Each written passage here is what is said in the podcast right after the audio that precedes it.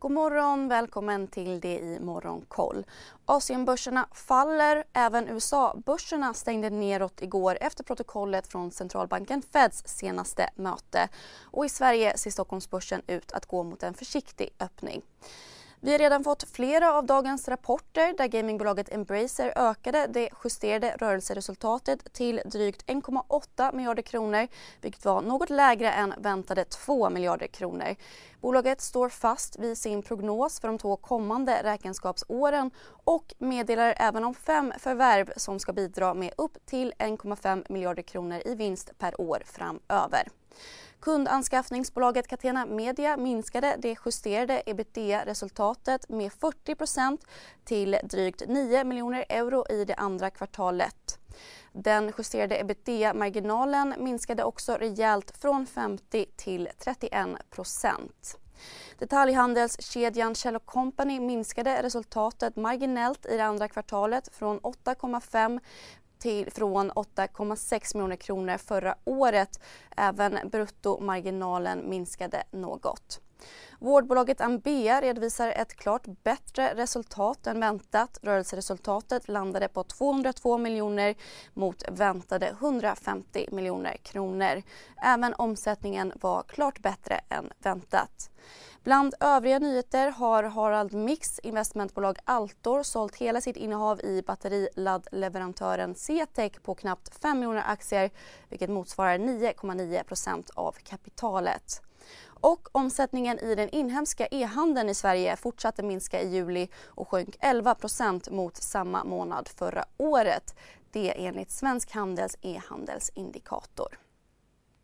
I USA lättade börserna något efter gårdagens Fed-protokoll men stängde till slut neråt. S&P 500 var ner drygt 0,7% och Nasdaq drygt 1,2 Central...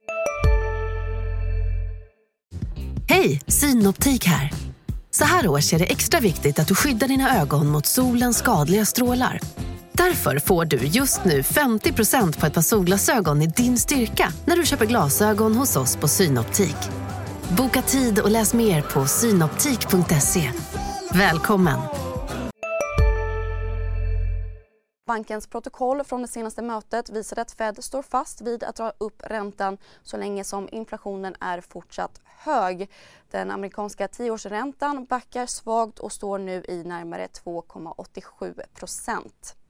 Detaljhandeln i USA var oförändrad i juli jämfört med i juni. Väntat var en ökning på 0,1% Vidare ska USA och Taiwan inleda formella handelssamtal i början av hösten i syfte att fördjupa banden inom bland annat digital handel och jordbruk. Bland bolagen fortsatte meme-aktien Bed Bath Beyond att rusa och vara upp över 10% vid stängning. Detaljhandelskedjan Target däremot backade 2,5% på sin rapport där resultatet minskat med 90% i årstakt vilket var klart mer än analytikernas förväntningar. Minskningen ska bero på reor i syfte att minska varulagren. Cisco Systems som tillverkar nätverksutrustning har rapporterat i princip i linje med förväntan samt en något bättre försäljning än väntat. Aktien steg runt 2% i efterhanden. Och IT-jätten Apple väntas presentera sin nya iPhone 14 den 7 september. Det rapporterar Bloomberg. Samtidigt väntas flera nya Mac-datorer, iPads och Apple Watch-modeller presenteras. I Asien faller Tokyobörsen närmare 0,8% medan Shanghai-börsen, Shenzhen-börsen och Hongkong-börsen är ner runt en halv procent.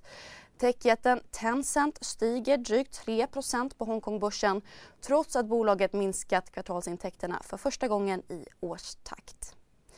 På dagens agenda väntas flera rapporter från bland annat värmepumpsbolaget Nibe och konsultbolaget BTS. Vidare kommer Norge med nytt räntebesked och så presenteras Philadelphia Fed Index som mäter aktiviteten i tillverkningsindustrin. Mer om detta hör ni i Börsmorgon som sätter igång klockan 8.45 som vanligt.